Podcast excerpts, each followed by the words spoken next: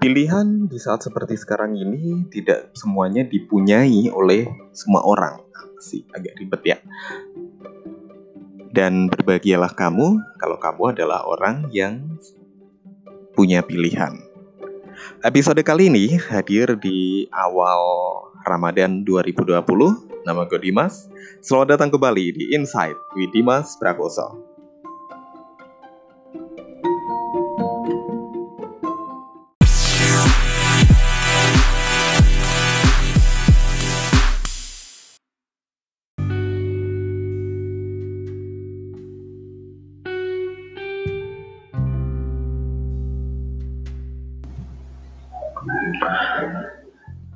Di awal Ramadan kali ini kita memulai semuanya sama sesuatu hal yang beda banget nih.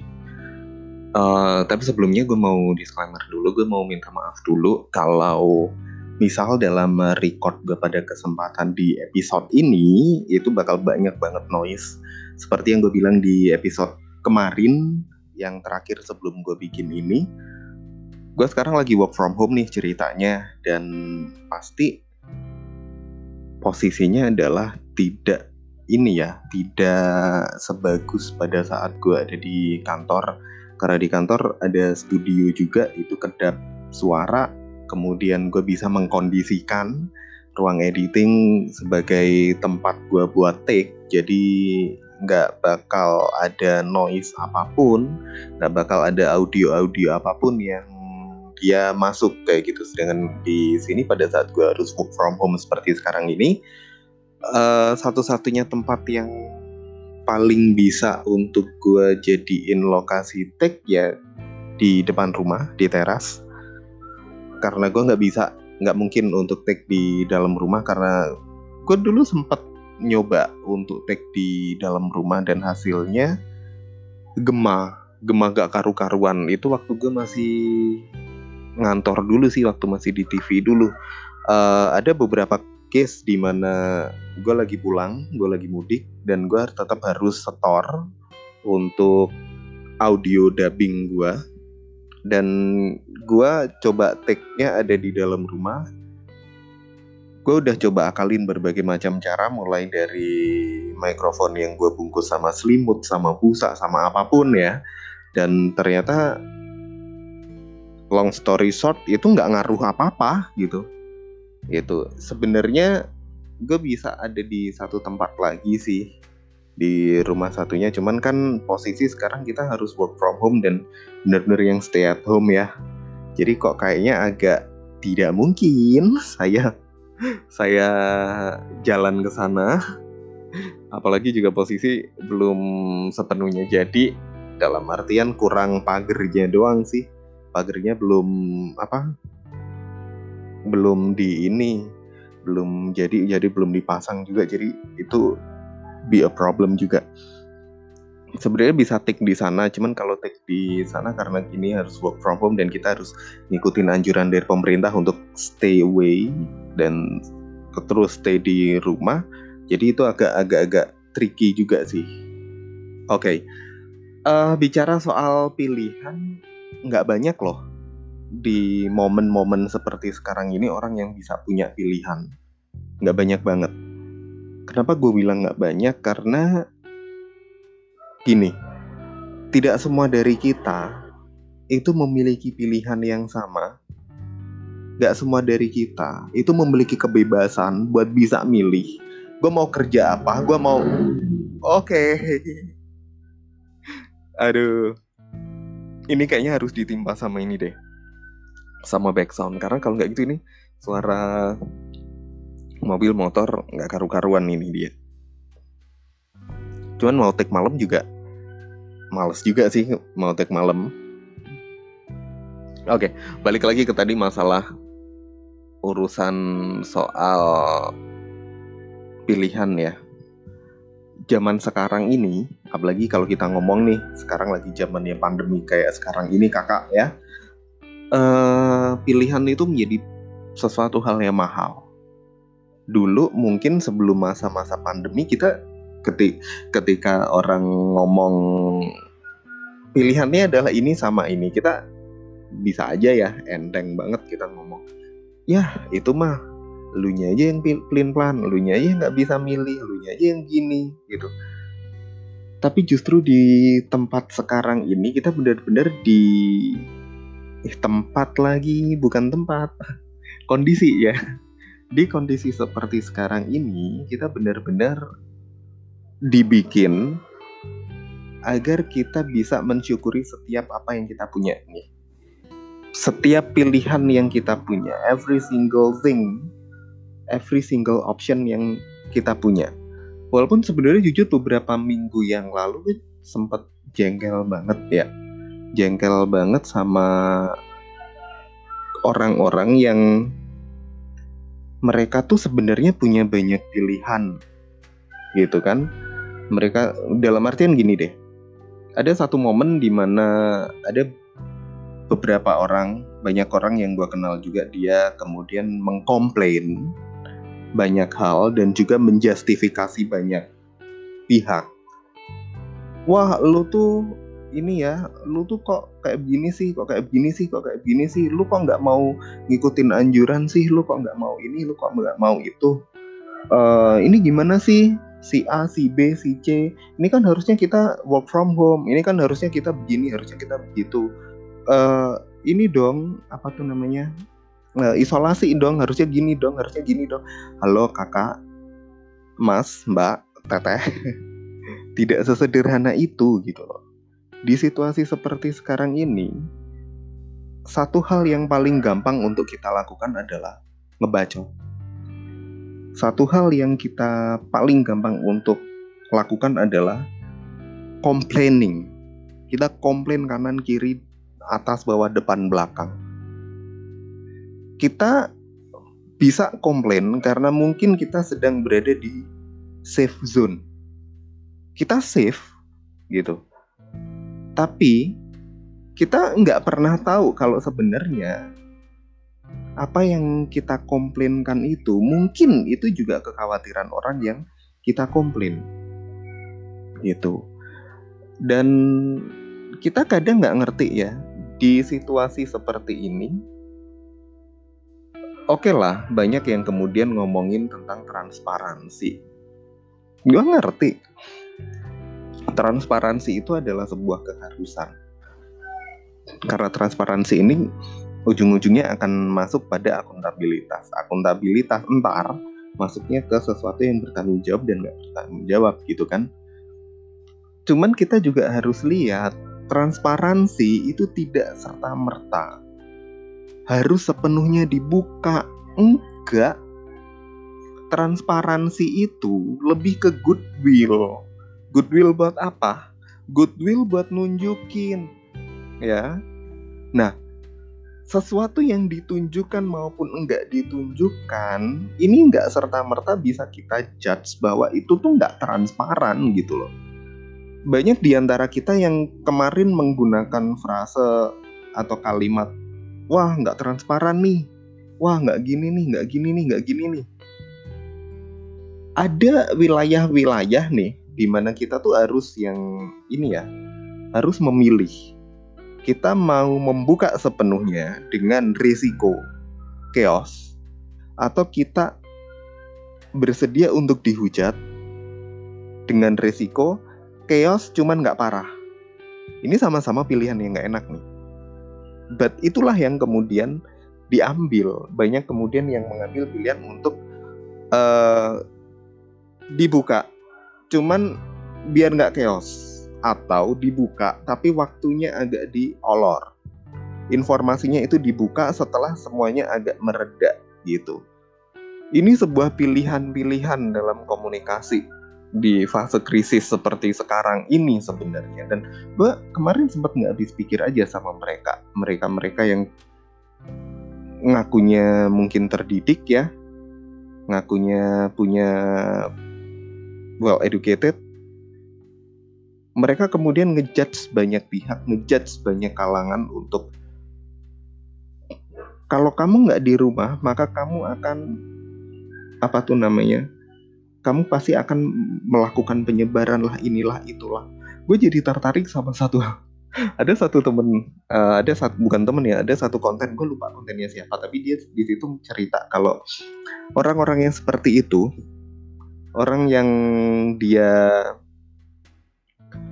sering banget ngehujat orang lain dan tidak bisa berempati itu berarti fase sengsara dalam hidupnya itu kurang means apa dia terlahir kemudian dia tumbuh besar itu langsung di zona enak terus, zona nyaman terus. Sehingga ketika terjadi sebuah persoalan, alih-alih dia mencoba untuk mencari bagi, atau menjadi bagian dari sebuah solusi, dia justru menjadi bagian dari masalah karena apa? Dengan nyinyiran-nyinyirannya. Walaupun memang nyinyiran-nyinyiran seperti itu banyak yang ini ya, yang nggak bisa kita bendung sebenarnya. Nah, balik lagi ke soal pilihan mereka yang berada di safe zone tuh biasanya mereka adalah orang-orang yang punya pilihan. Punya pilihan antara harus kerja dari rumah atau kerja dari kantor. Work from home atau work from office. Gitu. Teman-teman gue sendiri kalau gue lihat banyak kok yang mereka memanfaatkan pilihan itu untuk work from home. Walaupun memang kalau boleh cerita work from home sendiri itu bukannya tanpa ini ya, tanpa budget ya. Banyak pihak yang kemudian ngomong, oh enak ya work from home, enak ya uh, bisa kerja di rumah, enak ya low budget karena ada di rumah. Enggak juga sebenarnya. Ini terbukti dari kemarin lusa tuh ada temen gue yang dari dia tinggal di Bekasi terus dia upload eh Bekasi atau Depok? Depok salah. Dia tinggal di Depok kerja di Jakarta. Uh, teman-temannya dia semuanya work from home. Alhamdulillah. Dia dan teman-temannya bisa dapat pilihan untuk work from home. Dan at the end dia bikin survei kecil-kecilan. Berapa banyak kos yang lu keluarin untuk work from home dan hasilnya adalah fantastis nominal untuk biaya kita work from home itu adalah hampir sama ada yang hampir sama dengan gaji sebulan ada yang setengahnya gaji sebulan sepertiganya. Bahkan mostly biaya-biaya itu dikeluarkan untuk membeli kenyamanan. Nah maksudnya membeli kenyamanan tuh kayak gimana? Jadi dia beli barang-barang model kayak furniture yang bisa dipakai untuk mendukung work from home-nya dia. Misal nih dia nggak punya meja kerja, oke dia beli meja kerja di, gue sebut merek toko nggak ya? Uh, kayak di kayak kemudian kayak di S Hardware kayak gitu, dia beli meja kerja. Atau misal dia lebih seneng kerja dari tempat tidur, oke dia beli meja yang untuk laptop yang bisa ditaruh di tempat tidur. Karena kan modelnya banyak banget tuh ada model-model benar-benar ada kakinya, kemudian ada yang model bawahnya tuh bantal, terus atasnya tuh ada kayak kayunya kayak gitu buat kita naruh uh, barang-barang seperti laptop kayak gini. Ada juga yang dia harus nambah instalasi listrik kah atau mungkin nambah instalasi internet. Apalagi kalau kita ngomong mereka yang ada di industri kreatif ya. Ada di industri kreatif paling butuh itu adalah internet yang kuat karena mungkin kalau di kantor, semua di cover kantor nih. Wifi, kemudian kita butuh untuk desain, untuk template, untuk musik, untuk apa nih uh, back sound yang free copyright kayak gitu, atau mungkin kita bikin sendiri device dan toolsnya itu nggak murah bapak ya itu mahal gitu. Dan banyak di antara teman-teman gue yang ada di industri kreatif mereka melakukan ini mereka melakukan banyak banget penambahan. Ya bukan cuma temen gue sih tapi gue juga.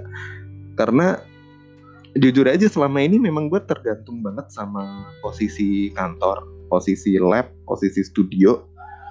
Ya gue mikirnya kenapa gue harus bikin sendiri di rumah kalau gue bisa melakukan itu selama jam kerja gue gitu. Tapi ternyata ketika dunia sekarang masuk ke fase seperti ini ya mau nggak mau mau nggak mau gue harus ngikut dong. Mau nggak mau gue harus uh, melakukan penambahan-penambahan tools, penambahan-penambahan device juga, sehingga gue bisa untuk terus produktif. Karena terbukti waktu dua minggu awal kemarin gue pun merasa aduh mati gaya. Ini nggak bisa nih gue nggak bisa ngapa-ngapain gue nggak bisa ngedit gue nggak bisa take gue nggak bisa apa pun lah ya. Karena nggak ada koneksi gue cuma ngandelin handphone doang. Dan itu berujung pada jebolnya ini sih. Jebolnya tagihan. Dan itu semua adalah privilege yang kita punya. Kita bisa work from home, then work from office, atau misal kita tetap work from home, sebenarnya work from home, tapi kita juga in several cases kita tetap ngantor. Kita masuk ke kantor seminggu dua kali, seminggu sekali kayak gitu. Itu tetap merupakan privilege ya. Itu hak-hak istimewa yang kita punya sebenarnya. Itu pilihan-pilihan yang nggak banyak orang yang sebenarnya memiliki. Nah, kalau kita ngomong soal pilihan, sebenarnya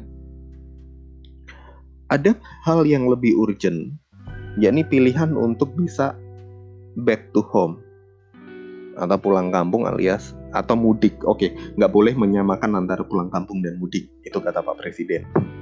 Karena kalau gue sih sependapat karena apa? Terminologi pulang kampung itu adalah kita ada di akhir dari sebuah proses. Proses apa? Proses kita untuk kerja di satu kota dan kita memutuskan untuk balik nih sepenuhnya 100% balik seperti yang gue lakuin tahun kemarin tuh that's namanya pulang kampung kalau mudik itu berarti kita akan balik lagi min sebenarnya pada saat kita melakukan proses mudik itu artinya kita meninggalkan kehidupan pekerjaan sosialisasi yang ada di kota di mana kita tinggal sehari-hari itu mudik dan ini sebenarnya adalah pilihan yang bisa diambil sebenarnya tanpa dilakukan PSBB, kalau orang-orangnya pada nurut, sebenarnya ini bisa.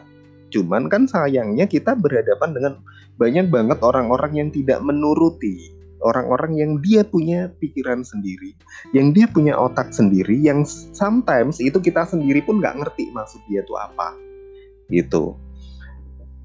Dia berasal atau dia sehari-hari tinggal di kawasan terjangkit, kemudian dia pengen aja gitu pulang ini sebenarnya ada cerita jadi waktu awal-awal nih awal-awal itu heboh Solo ya Solo tuh sekitar tanggal 14 kemudian itu cepat banget nyebarnya akhirnya penutupan di berbagai kota yang ada di sekitarnya termasuk kota tempat gue berada sekarang ini juga dan di situ posisinya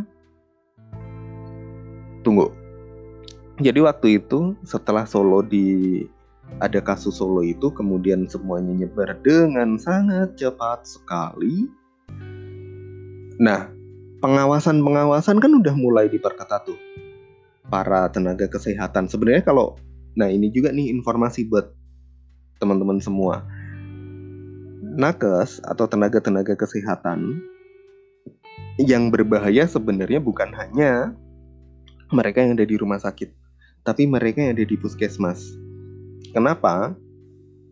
Di era di mana banyak banget orang-orang yang kagak mau nurut seperti sekarang ini.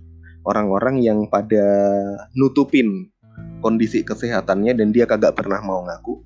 Oh ya, ngomongin tentang pasien COVID yang nggak nggak mau ngaku, gue best appreciate banget buat junior gue di Wijaya Kusuma di Fakultas Kedokteran Wijaya Kusuma yang dia dinas di Rumah Sakit Dokter Suwandi Surabaya. Best appreciate. Uh, semoga kamu bisa beristirahat dengan tenang. Terima kasih atas apa yang telah kamu lakukan pengorbanan yang telah kamu berikan. Terima kasih karena kamu sudah mengabdikan dirimu untuk kemanusiaan dan untuk masyarakat Surabaya. terima kasih untuk dokter Berkatnu Indrawan Janguk. Dia adalah adik kelas gua di Universitas Wijayakusuma Surabaya. Kalau nggak salah dia angkatan tahun 2010. Nah, uh, si Berkatnu Indrawan Jangu ini dia kena gara-gara ada pasien yang punya pengalaman uh, perjalanan ke kawasan terjangkit dan dia nggak ini nggak ngaku gitu. Sempat di ICU juga. Ini loh. Tim tenaga kesehatan kita bukan hanya mereka yang ada di rumah sakit yang langsung berhadapan dengan ICU aja enggak tapi semuanya termasuk ke yang tracing-tracing tadi. Nah gue lanjutin lagi yang tadi. Di awal-awal penutupan di kawasan Tulungagung Raya dan sekitarnya uh, gue punya satu sahabat. Dia itu nakes di kecamatan tempat gue tinggal sekarang. Kita sering banget chat-chatan karena ya posisi memang ada ada keterkaitan antara kerjaan kita ya. Jadi dia nakes kemudian ada kerjaan gue yang juga beririsan sebenarnya dengan profesinya dia. Dan sempet dia cerita juga tentang dia nemuin nih orang yang dia balik dari Jakarta. Waktu ditanya, loh, bapak uh, mau berapa lama ada di sini? Oh, saya nggak lama kok mbak. Ntar lusa juga saya balik ke Jakarta. Kalau buat gue, gue langsung pengen bilang itu orang kampret. Gue mau ngumpat tapi ini ya, bangsat tuh orang. Kenapa? Kalau lu balik cuma 2 sampai 3 hari, itu artinya lu punya pilihan, Bro. Lu punya opsi. Lu punya opsi untuk bisa balik atau enggak sebenarnya. Dan setelah ditanyain kenapa Pak alasannya kok balik? Apa jawaban dia? Jawaban dia adalah kan lumayan Mbak, gue dapat libur tiga hari, jadi gue balik aja. Kantor gue lagi diliburin, jadi kan lumayan kalau gue balik. Itu, itu namanya egois gitu. Kalian datang dari kawasan terjangkit dan kalian datang masuk ke kota kecil ke kampung halaman kalian. Itu namanya apa ya? Percuma aja deh lu kuliah, lu sekolah tinggi-tinggi. Kem kemudian uh, aduh. Gua nggak ngerti. Wait, wait, wait, wait, wait, wait, wait. Gua nggak ngerti ini kenapa ada double mic di sini Jreng-jreng, semoga saja tidak berpengaruh pada hasil recordnya ya. Oke, jadi gitu. At itu nyebelin sih. Kalian datang dari sebuah kota besar di nun jauh di sana, dan kota itu sudah jelas-jelas terjangkit. Dan saat ditanyain sama petugas kesehatan, lu ngomong kalau lu cuma tiga hari di sini lu punya otak nggak sih sebenarnya? Karena di kota kecil ada banyak banget orang-orang lanjut usia. Ada banyak banget anak-anak. Dan nggak semuanya memiliki imunitas yang sama. Pernah nggak sih mikir sampai segitunya? Kenapa sih nggak tetap stay at home, tetap stay di kotamu, sampai situasinya ini benar-benar mereda gitu. Nah, ini sebenarnya bisa dilakukan oleh mereka yang punya pilihan. Orang-orang yang dia punya pekerjaan, punya penghasilan, dan dia punya pilihan untuk tetap stay atau tidak. Nah, lain cerita kalau posisimu adalah orang-orang yang memang terdampak secara langsung. Misal lu kerja informal di sono. Lu kerja informal di sono atau mungkin mohon maaf, lu habis kena PHK dan lu balik. Lu nggak punya opsi, lu nggak nggak punya pilihan lain selain lu balik gitu. Ini beda kasus. Nah, ketika orang yang tidak punya pilihan seperti ini kemudian dia pulang, kalau kita ngomong dari sisi kemanusiaan memang seharusnya dia diterima tapi dia juga harus cukup tahu diri sebenarnya tahu dirinya dengan cara seperti apa lakukan isolasi mandiri karena kamu nggak akan pernah tahu kamu pulang itu kamu dalam kondisi bersih atau tidak so lakuin isolasi mandiri jangan bandel gitu kan Cuman tidak semua orang yang mau melakukan ini. Kadang ketika mereka sudah sampai rumah, mereka udah euforia aja sendiri sama keluarganya kayak gitu. Dan long story short, terima kasih untuk pemerintah desa tempat mungkin uh, di beberapa desa dan beberapa kawasan yang ada di Indonesia mereka sudah menyiapkan satu rumah isolasi. Ya udah lu rasain tuh tinggal di situ gitu. Karena gini loh, kalau kita tidak bisa membatasi interaksi diri kita sendiri, itu kita yang apa ya? Kita yang zolim sama orang sih. Kita nggak ngerti kondisinya seperti apa gitu. Dan ini juga berlaku sebenarnya buat para teman-teman pekerja migran sih kalau gue bilang pekerja migran atau mungkin mahasiswa asing yang ada di luar negeri Indonesia mahasiswa Indonesia yang ada di luar negeri maksud gue kalau memang dia memungkinkan untuk pulang, sudah seharusnya dia pulang dan dia diterima oleh semua unsur yang ada di Indonesia. Tapi kalau memang kontraknya masih ada dan di sana juga menjamin untuk kehidupan, yaudah deh stay di sana dulu aja. Apa susahnya sih? Gitu. Jangan buru-buru balik dulu, jangan panik dulu. Dan gue ngerti gimana rasanya menjadi seorang urban, gimana kita kepikiran tentang kondisi yang ada di tanah air yang ada di tempat kita, tempat daerah asal kita, gue ngerti posisinya. Tapi kalau lu punya pilihan, at least lu masih bisa makan, lu masih ada kerjaan, jangan aneh-aneh lah. Jangan pulang dulu. Karena apa? Yang kasihan itu adalah orang-orang yang ada di daerah. Gitu. Uh, mereka berpotensi untuk terpapar gitu loh. Karena apa? lu juga nggak bakalan ngerti lu bisa kena di mana bisa aja lu keluar dari kos lu keluar dari rumah bersih nih tapi siapa yang bisa ngejamin pada saat lu naik kendaraan umum atau lu bawa mobil misalkan atau bawa motor sendiri di jalan lu nggak kena. Siapa yang bisa ngejamin coba? Nggak ada yang bisa ngejamin loh. Gitu. So be smart deh. Di saat seperti ini itu ketahuan banget. Kalau ijazah itu nggak serta-merta bikin orang kelihatan pintar dan wise. Yang bisa membuat seperti itu adalah humanity, rasa kemanusiaan dari masing-masing orang. Oke, okay, buat semuanya teman-teman gua, thank you udah dengerin Insight with Dimas Prakoso. Buat kamu yang punya pilihan, jangan pulang.